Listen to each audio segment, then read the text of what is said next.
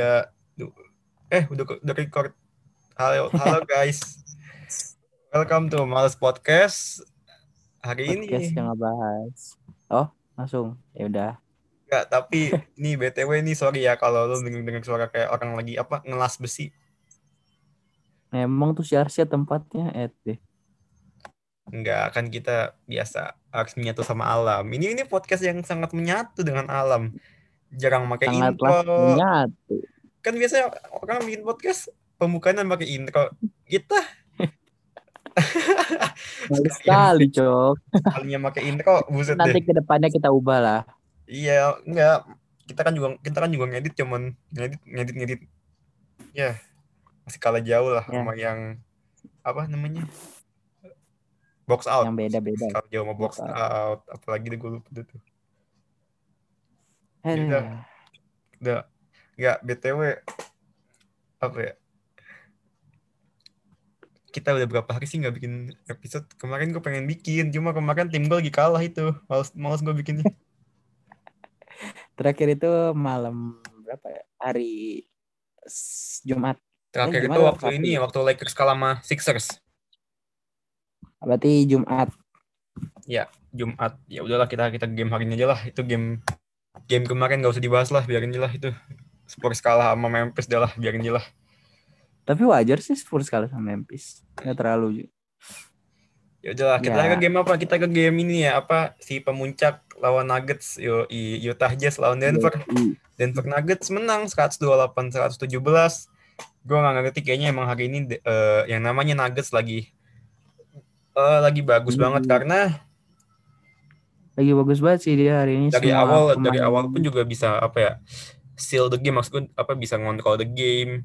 Even di kuarter 3 pun eh, Denver sempat leading 86 58 and ini ya gue rasa Mike Malone kemarin dengerin podcast kita ya. Bisa Mungkin, memanfaatkan mungkin, jarak yang agak lebar dari pemain Jazz ketika bertahan. Buktinya tadi itu eh, Nikola Jokic biasanya kan suka masuk ke paint area. Hari ini dia mainnya agak di luar paint area. Dia dia dia main di luar tri, di luar garis three point sehingga Rudy Gobert itu jadi bertahannya nggak di dalam bertahannya itu dia nggak di paint area. tapi dia bertahannya itu di free throw di free throw line untuk Hmm. jaga-jaga Jokic. Dan Jadi- itu menurut gue sangat menurut gue itu sangat lumayan bagus karena kita sudah tahu nih kalau Jokic itu kalau misalkan udah masuk ke dalam paint area itu mematikan banget. Tapi Banyak kan yang kejadian. match up hari ini kan match up Jokic hari ini kan Rudy Gobert. Bahwasan gue rasa Mike Iya. Hari ini pinter banget.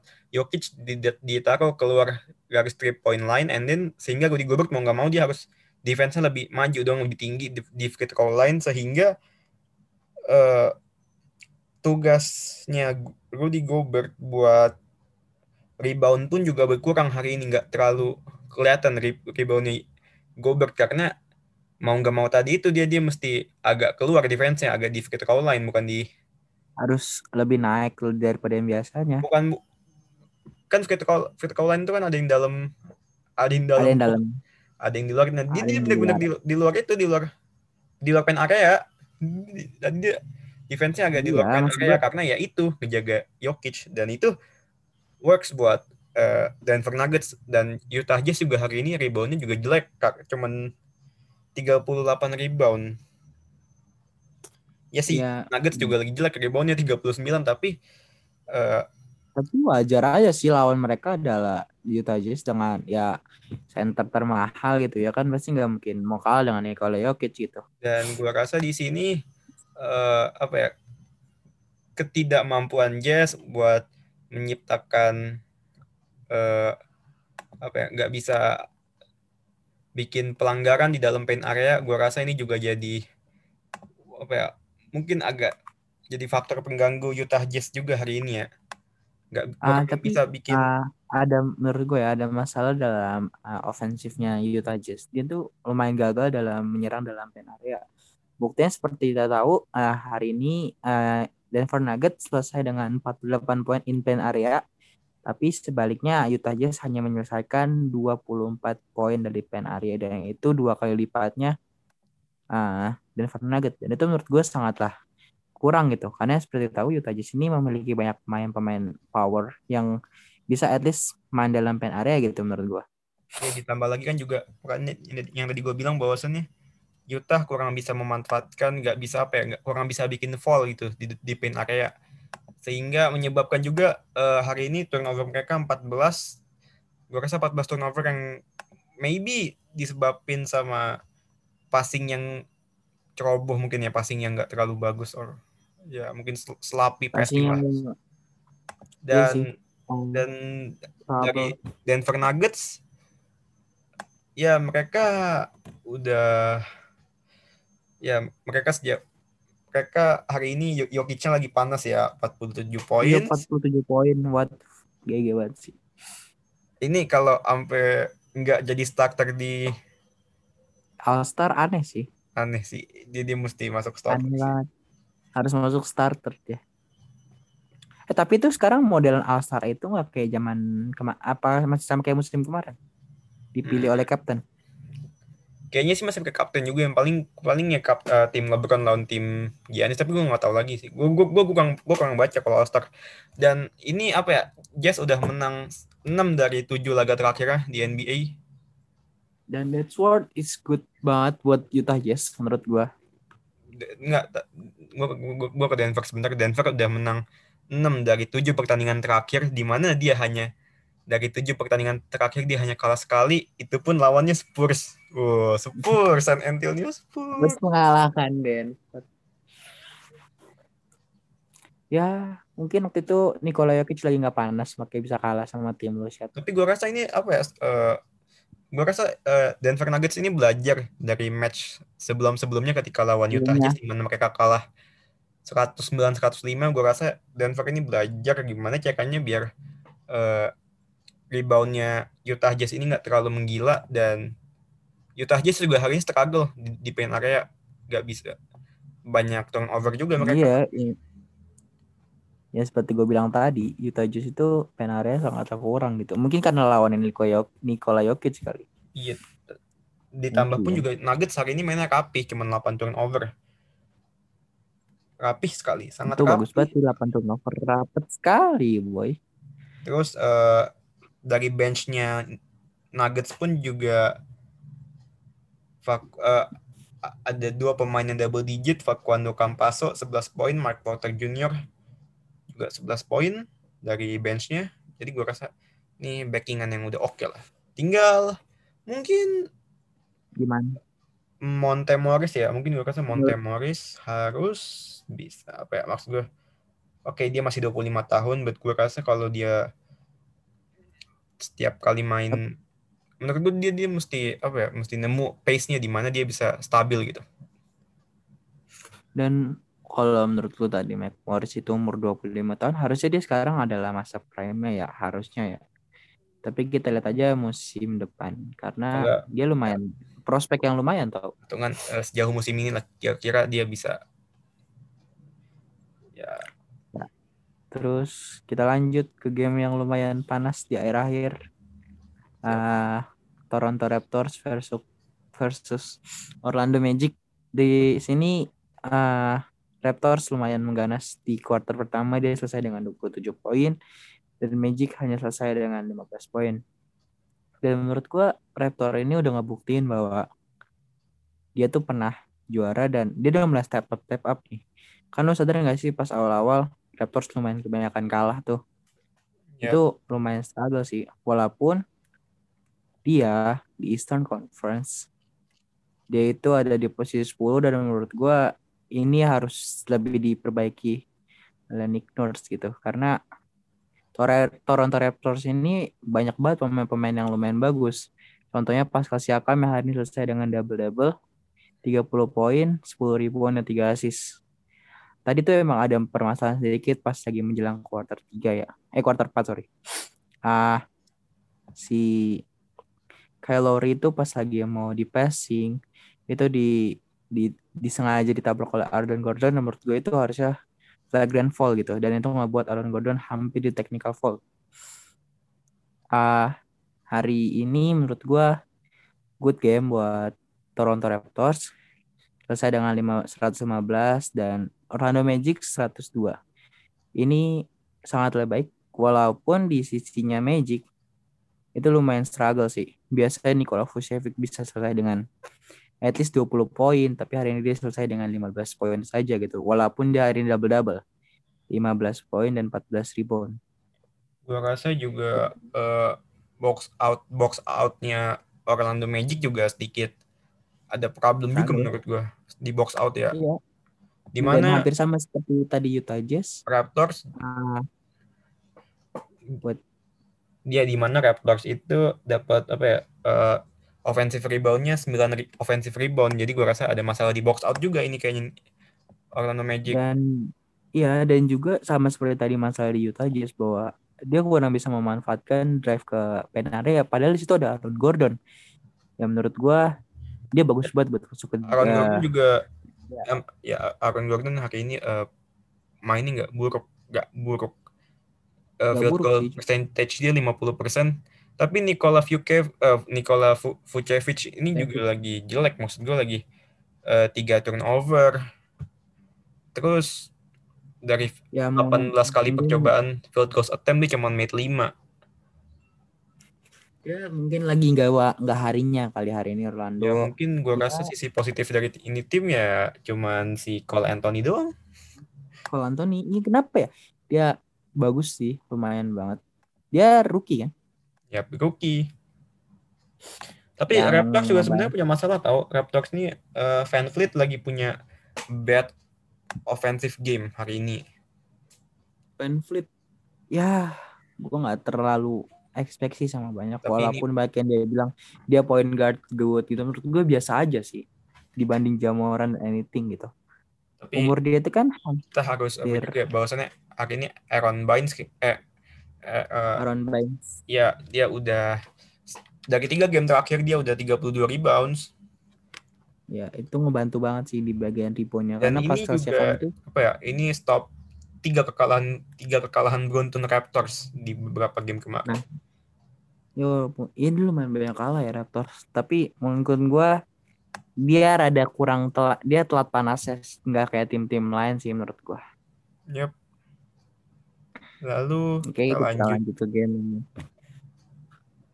Game yang paling ini ditunggu-tunggu Brooklyn Nets versus eh, Washington Wizards. Washington Wizards, gila itu seru banget sih sumpah.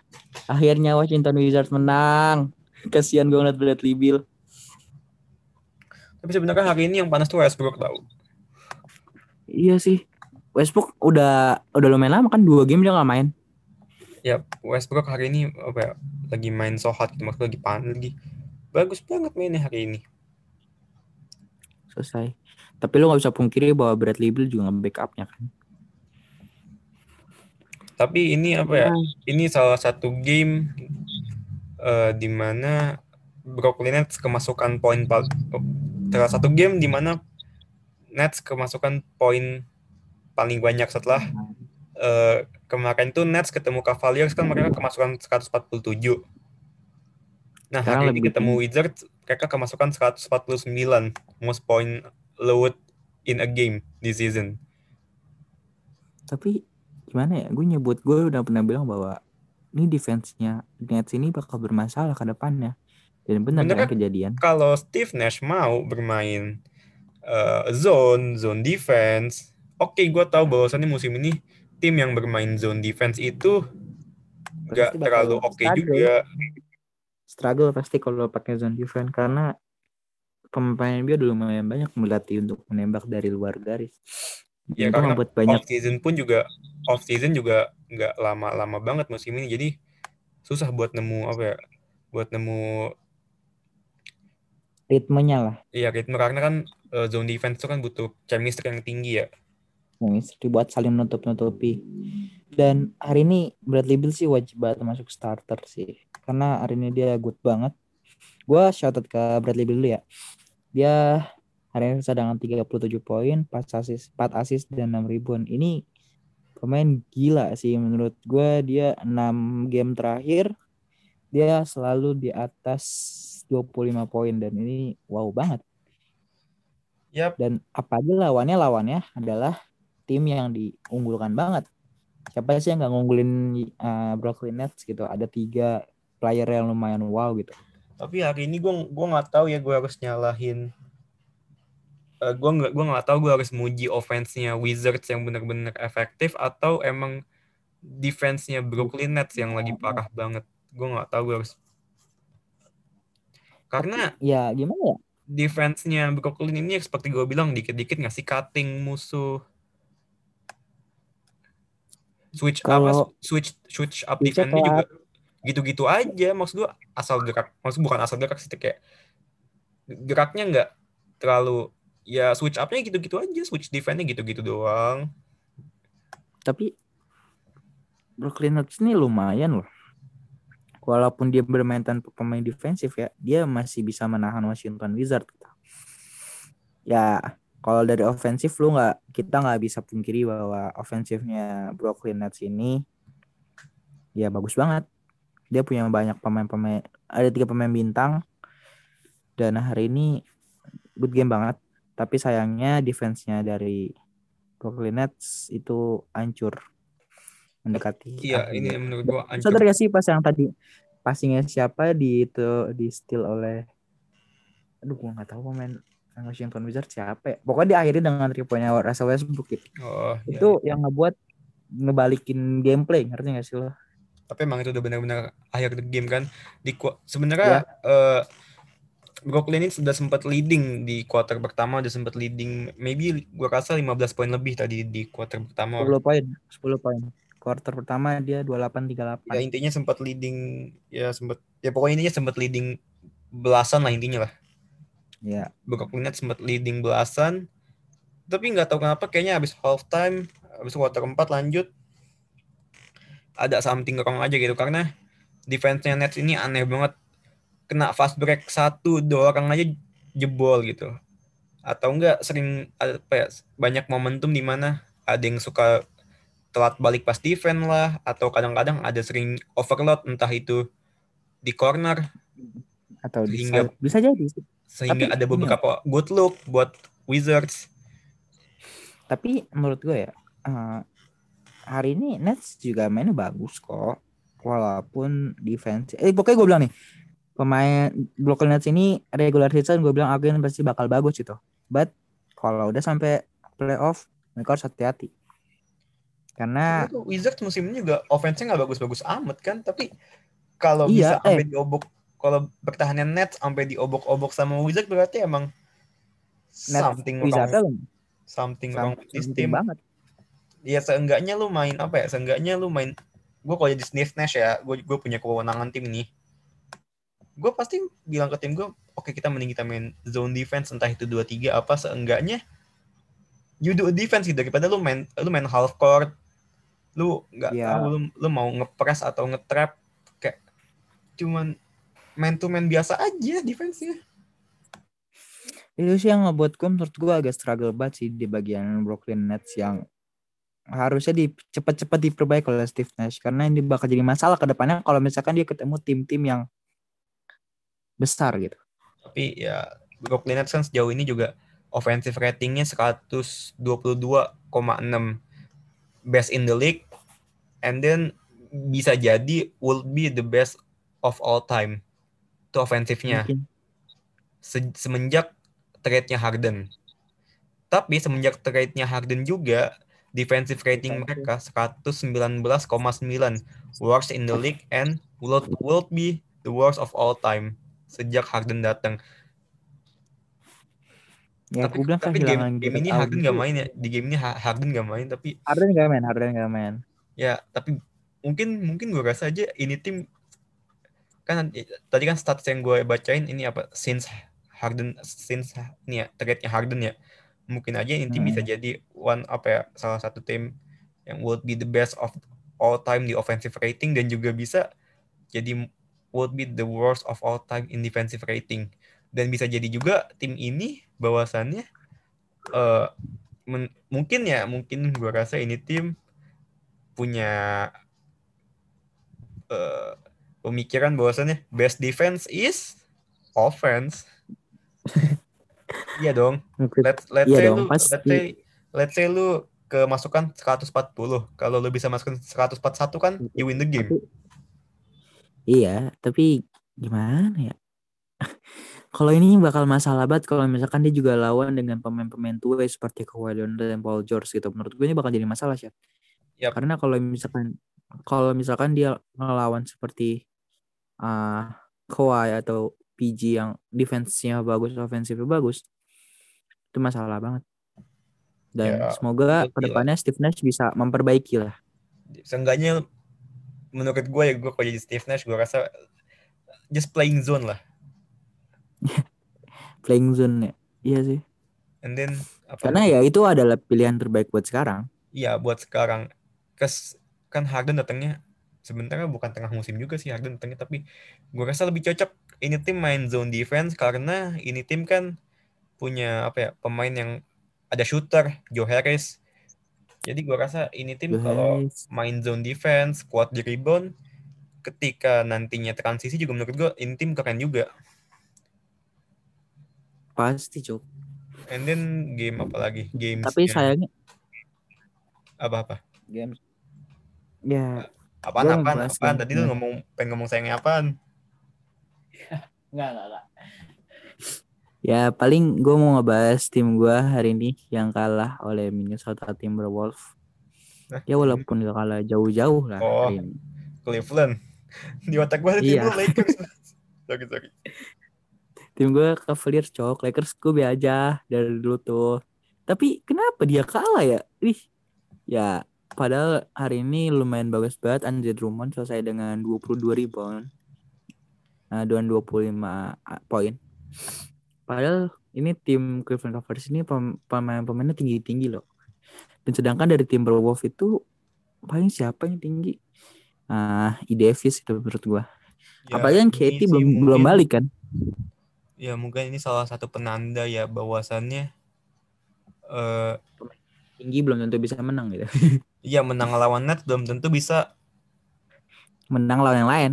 ya Tapi eh yang gue mau shout out hari ini adalah dari pemainnya Timberwolves, eh uh, rookie-nya Anthony Edwards. Dia selesai dengan 23 poin. 23 poin. dan juga Malik Beasley empat 23 poin juga. Menurut gue Timberwolves walaupun kehilangan sosok leadernya ya. Siapa ah, tuh? Lagi corona dia. Lagi Siapa? covid. Siapa siapa? KHT. Oh, KHT. Oh, Ah, Anthony Towns. Towns. Kok feeling gue dia bakal pindah ya?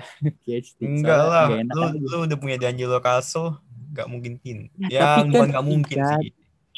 Ya bukan nggak mungkin lu bilang kemarin pas kemarin Harden gak bakal pindah atau dua atau tiga musim lagi tiba-tiba besoknya Eh, gue bilang Harden kemarin tuh Harden nggak pindah musim ini, eh besoknya Harden pindah, mana gue tahu.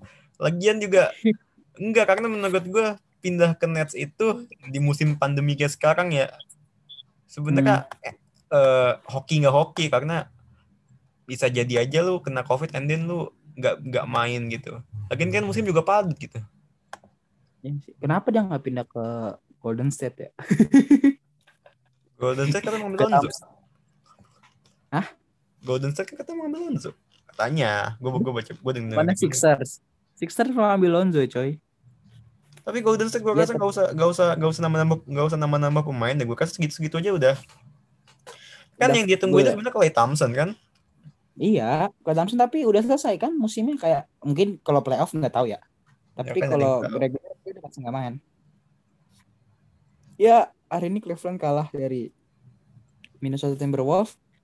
Lumayan menyakitkan kan sih karena kalahnya pas menjelang seperti biasa Cleveland Cavaliers dihajar pas udah quarter 4 dan itu nggak bisa ngebuat apa pun yang terjadi gitu. Defense-nya lumayan banget. Ah uh, worst banget uh, Larry, Larry Nash dia cuma selesai dengan dua poin. Itu menurut gua kesalahan banget karena karena Larry Nash ini harusnya bisa lebih bermain lebih baik karena dari sisi defensifnya Minnesota Timberwolves itu lumayan kekurangan gitu. Dan menurut gua ke depannya pelatihnya Cleveland Cavaliers ini harus membetulkan karena Tapi Isaac banget Okoro hari ini Okoro. 6 iya Isaac Okoro dari Cleveland hari ini mainnya bagus tau 60 apa 60 persen field goal percentage Dan yang gue kaget ternyata walaupun dia bermain itu point and fence-nya Cleveland Cavaliers ini serem loh. 72 72 poin. Tapi three pointnya Cleveland ini hari ini parah banget. Even mereka cuman bikin 16 three points attempt. 16 dong yang masuk cuma 4. Harus belajar cuy, tapi nggak ada pemain shooter tahu, nggak ada pemain shooter di Cleveland Cavaliers. Colin Sexton kenapa nggak bisa di Kaget cuk, sumpah. Dia tuh ah kalau lagi hoki doang. Dia butuh pemain-pemain yang seperti Bradley Beal kayak pindah ke Cleveland Cavaliers kayak Ed deh. Bisa lu kudu Kevin Love sama kapan balik sih? Gue nggak tahu deh. Kevin Love itu perkiraan 2 sampai eh 2 sampai 6 minggu kan kalau nggak salah. Ya, kayaknya Gitu Kevin ya. Love kalau balik ini masalah three point udah fine fine aja dah. Ya sih, mungkin karena Kevin Love kena gak aneh dah Kevin Love kenapa dia bisa bagus buat three pointnya padahal dia adalah posisi for- forward kan dia. Ya Cuman mungkin dia kena juga. mungkin dia kena motivasinya kan dia ngerasa ini ini comeback 31 mungkin dia masih termotivasi kan gak ada yang tahu Itu udah lama banget cat anjir 2000 16 2015. Itu waktu zaman zamannya zaman zamannya eh KD belum dicap ular Ya, belum dicap ular, dia kan Belum tukang ular. pindah-pindah. Iya belum dicap ular sekarang dicap banget. ular dia Itu yang yang ngubah semua trade itu pas lagi kayak dipindah, sumpah ngubah semua trade. Ngerusak ngerusak trade-nya NBA anjir kayak dipindah tuh. Tiba-tiba LeBron ya.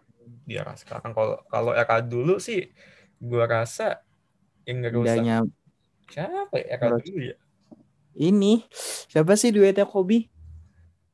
emang Kobe Shaq Ah, Shaq O'Neal pindah ke Miami Heat apa itu ya? Iya Miami Heat. oh Mengubah semuanya kan?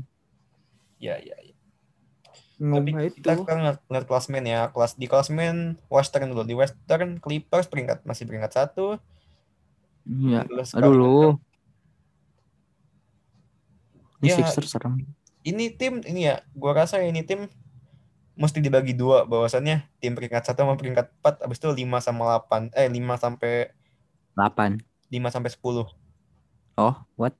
Iya, gua rasa ini kok ini mesti dibagi dua ya karena peringkat jarak jarak dari peringkat 4 ke peringkat 5 itu agak sedikit jauh menurut gua ya, menurut gua gapnya agak iya sih. jauh. Lumayan banget jauh ya. Agak jauh kan gap di Western dari peringkat 4 ke peringkat 5 agak sedikit jauh kan Hmm. gapnya. Dua, iya, itu harus diperbaiki sih menurut gua. Kalau Ya, di terus Eastern, dari Eastern masih normal lah, nggak ada yang berbeda-beda jauh banget. iya sih beda kayak masih beda. Ya tipis-tipis lah. Atlanta Hawks kan Sixers ini kok serem ya. Sixers serem banget sumpah. ini Miami Heat gua rasa mulai nemu ritmenya pelan-pelan. Setelah kemarin juga menang kan dia lawan eh, Sacramento Kings. Menang kan dia. Yo, Menang menang dia. Eh, eh siapa sih gue lupa namanya astaga dan lupa banget lu. Jimmy Butler ke mana dah? Eh, Jimmy Butler kan kemarin udah main lawan Sacramento Kings. Sebelumnya, gue bukannya itu. Nah itu gue nggak tahu, gue gue lupa juga. Gue pokoknya gue liat ya? nggak gue liat line up. Mungkin Kenapa? mungkin mungkin mungkin para para, para pendengar mungkin tahu ya Jimmy Butler ke mana. Karena gue nggak terlalu ngikutin, gue tiba-tiba ngeliat di line up loh. Ini Jimmy Butler eh Dragic ke mana? Makanya, padahal Jimmy Butler itu wow. Dia butuh, maksudnya eh, Miami Heat itu butuh dia gitu, karena dia yang bisa Kan Miami. Heat gue rasa kayak musim kemarin juga kan apa nggak ada yang nggak ada yang predik tiba-tiba final tiba-tiba ngalahin Nice. Bucks. Gak ada yang sadar itu, sumpah.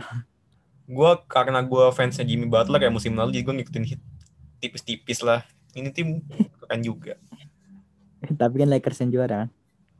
enggak itu mah enggak Apa lu? enggak nanti kalau gue bilang enggak karena Lakers itu kan musim lalu emang on fire gue akuin Lakers itu musim lalu on fire Iya, dia hampir aduh. gue rasa dia musim lalu tuh hampir punya semua elemen gitu trip Eh, Sekarang sih dia kekurangan pemain defensif sih. Montrezl Harrell bagus sih pemainnya buat ofensif. bukan masalah Defensif. gue nggak terlalu bermasalah sama defensif ya gue mungkin Gue masalah sih kalau gue ngeliatnya. Kayak dia gampang banget kelepas gitu-gitu. three point hmm, three point ya, yang seperti gue bilang kemarin kalau transisinya Lakers masih oke tuh gue rasa 3 point bukan masalah gede. Mm-mm. Masalah Tapi Lakers kalau- itu mungkin konsistensi ya. Karena ini kan banyak pemain baru di Lakers. Marcus Gasol, Iya. Dennis Schroeder, ya you name it lah, Wesley Matthews. Mungkin gue rasa konsistensi dan mungkin karena suasana bench baru ya, suasana tim baru biasa suasana suasana tim baru kan ya mungkin kadang-kadang ada yang gimana gimana biasa suas- suasana tim baru masih Wajar sih, Bukan- belum dapat chemistry-nya. bukan belum dapat belum konsisten aja Mm-mm. kan tim kalau tim musim lalu itu kan eh, tim yang Udah kebentuk. iya walaupun di awal pun juga opening night kan juga Lakers kalahkan lawan kalahkan Clippers ya opening Iya. night Tapi kemarin dia apa duet franchise eh, the big franchise history menang kok. Walaupun tipis banget ya Tuhan itu. Kalau three pointnya eh, Kemba masuk kalah itu sumpah. oh yang kemarin lawan Celtics ya, ya gue Iya. game deg-degan tipis, tipis tapi gue gak nonton Lakers lawan Celtics males gue Gila kayak deg-degan banget gue cok sumpah. ya I Anjir, think hampir aja three pointnya. Iyalah. Ya, but mungkin kita eh, beberapa episode lagi mungkin kita mau nambah konten ya, nambah konten bola Mm-mm. atau enggak mungkin konten F1 ya.